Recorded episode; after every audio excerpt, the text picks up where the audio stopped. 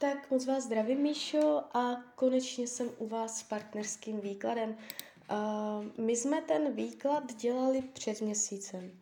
To znamená, že ten výklad je pořád platný. Uh, není to tak, že všechny tady tyto věci proběhnou během 30 dnů. Uh, je to proces minimálně půl roku, jo, potom uh, byste viděla tu změnu, nebo rok. Mm, já jsem si vzala do ruky kivadelko a dívám se znovu. Budete spolu na konci roku 2022? Ano, budete spolu na konci roku 2023? Tady je to trochu spochybněné, ale pořádně to jde spíš tak, že uh, minimálně to mezi vámi není definitivně uzavřené. Uh, vy píšete, že je vám v tom vztahu těžce, že uh, se k vám chová, že máte pocit, že jste podřadná. Uh, já se podívám na to znova schválně, co nám Tarot řekne teď. Uh, jak vás vnímá vztah s vámi? Jak to není? Budoucnost co teď od vás potřebuje, čemu se teď vyhýbá, jak to má teď s dalšíma ženskýma a co vám Tarot radí teď. Takže uděláme takovou aktualizaci. Um, dívejte, prostě um, je možné, já to nemůžu vyloučit a je to takto v pořádku, prostě uh, jeden z deseti výkladů v průměru bývá opačný, že se prostě pletu, že uh, to dopadne úplně jinak, než já říkám, jako vlastně opačně, jo. Uh, nestává se to, je to třeba fakt jeden z deseti zpětných vazeb, uh, že mě někdo řekne, že to bylo naopak, já dělám spoustu výkladů denně a mám velkou pravděpodobnost, že to vychází, jo. Nestává se mně, že se pletu. Uh, poprvé, když jsme ten výklad dělali, ukázalo se mně, že ještě spolu budete. Rok minimálně, klidně i dva, dál jsem se nedívala. Když teďka dělám znovu ten výklad, opět se mě ukazuje, potvrzuje, i přes kivadelko, i přes tarot, že uh, vás spolu ještě vidím. To znamená, buď se jedná o lichý výklad a uh, nemám na vás takové napojení, uh, jakoby čisté, i když jakoby uh, vesmír z nějakého důvodu vám posílá tady tyto informace, aby právě tohle jakoby je to, co na sebe nejvíc přitahujete, tyto informace, že tohle právě k vám má dojít, že ještě spolu budete. Tohle je ta informace pro vás, že vám vesmír posílá, že tam je cesta. Toto já vám mám říkat, jo. Um, já si zatím stojím. Vy tam píšete, že je to na stěhování, že to je na rozchod, na odchod, že ani sama nevíte, jestli už se radši teda máte zbalit a odejít, nebo jestli to tam ještě nějak jako zkoušet. Na mě to celé z těch karet působí tak, že on si je jistý váma. On si je příliš jistý a on má pocit, že si může dovolovat, vyskakovat, říkat si, co se mu zachce, vyjadřovat, co se mu nelíbí a jednat tady tímto stylem.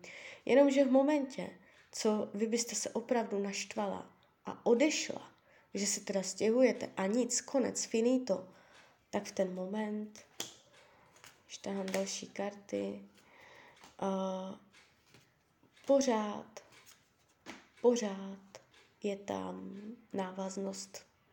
Pořád je tam pouto, pořád to prostě jakoby vytváří ta energie, závazek, svazek, Um, takže to případné odloučení vás může klidně ještě víc zblížit s tím, že on uh, si uvědomí, že by vás mohl ztratit a co ve vás vlastně má. Um, když se dívám teď momentálně, jak vás bere, jak vás vnímá, je tady vidět jeho nespokojenost, že se, že vytváří bariéry. On si vědomně uvědomuje, že mezi vás staví zeď. On to dělá vědomně. Jo. Dělá to proto, proč to dělá.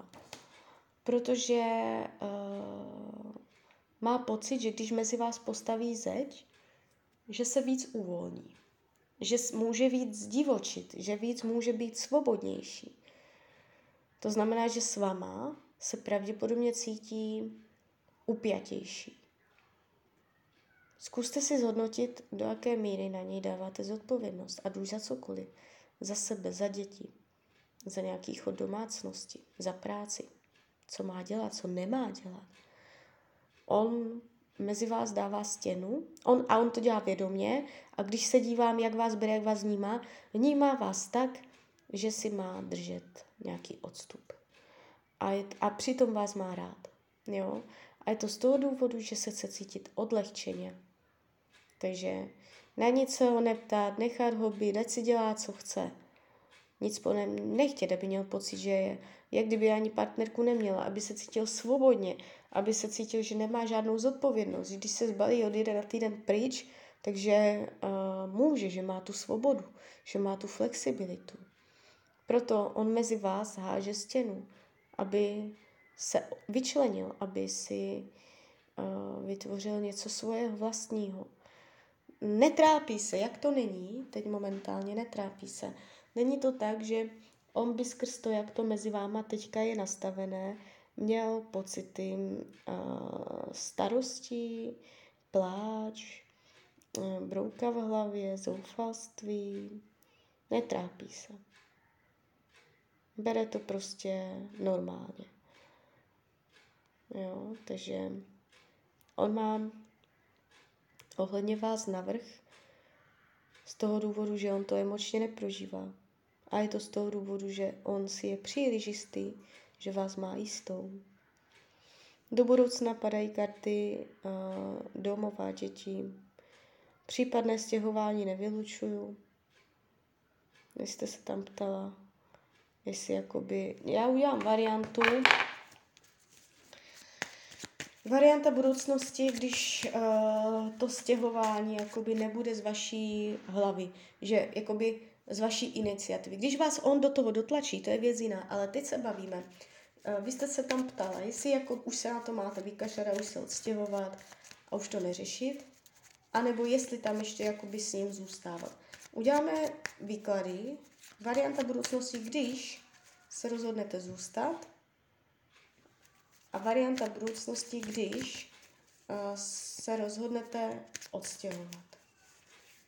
Takže varianta budoucnosti, když zůstanete, varianta budoucnosti, když se odstěhujete.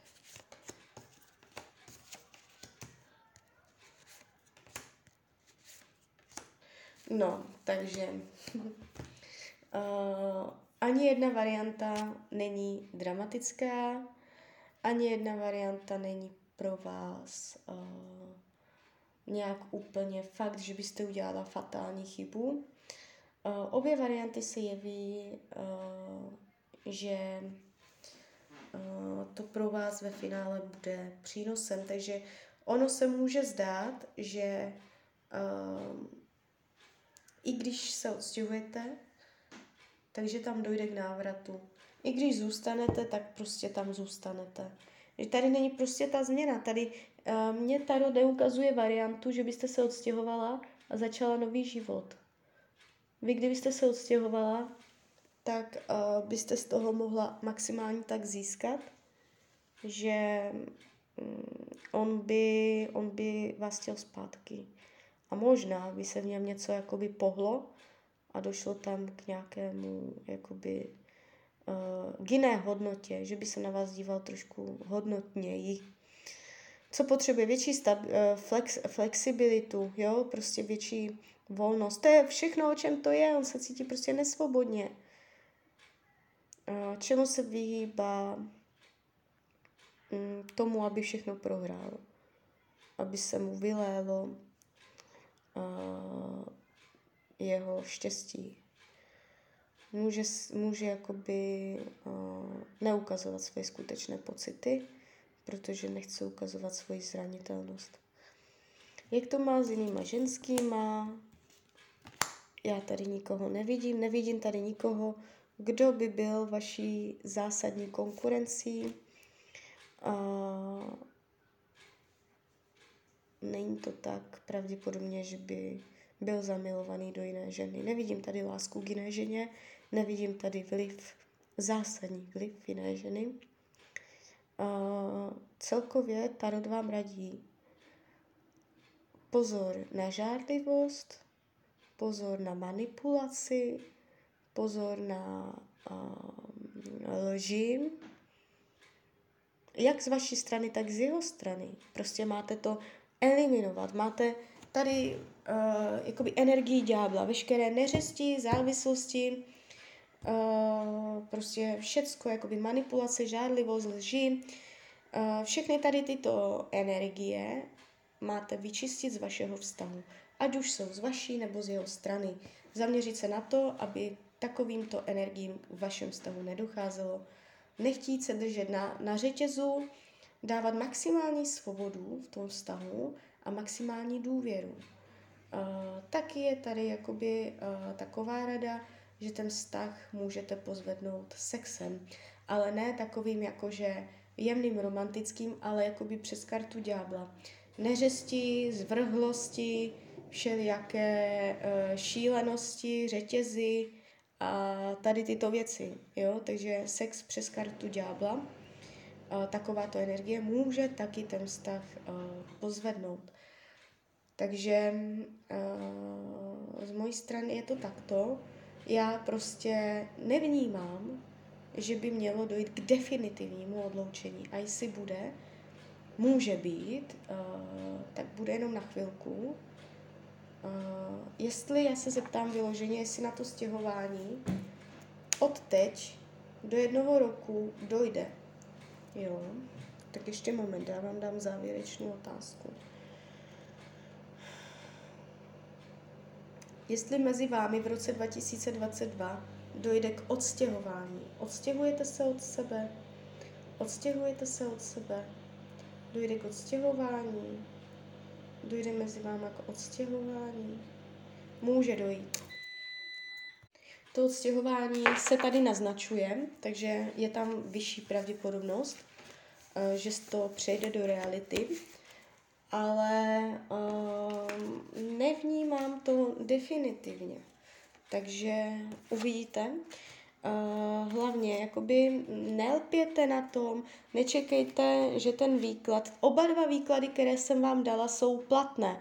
Mají platnost půl roku určitě a klidně i rok. Uh, můžeme třeba zase po třech měsících udělat nový náhled, um, nějak jakoby aktuální, ale uh, když uh, nebudete vědět nebo tak, zkuste si pustit ty moje předchozí výklady, i ten předchozí, i tady tento a ta odpověď je platná.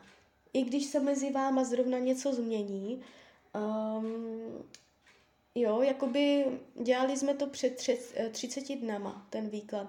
Uh, takže ještě určitě tak tři měsíce je platný minimálně, opravdu minimálně tři měsíce. Obvyklá, obvyklá jakoby doba je půl roku a rok. Jo. Takže dejte tomu čas, nelpěte na tom a uh, uvidíte. Zbavte se lpění, Vytvořte mu pocit absolutní svobody. Že na něho nevytváříte tlak, jo? že si může dělat, co chce a on, ta energie se uvolní. Tak jo, tak z mojí strany je to takto všechno. Já vám popřeju, ať se vám daří, ať jste šťastná. A když byste někdy opět chtěla mrknout do karet, tak jsem tady pro vás. Tak ahoj, Rania.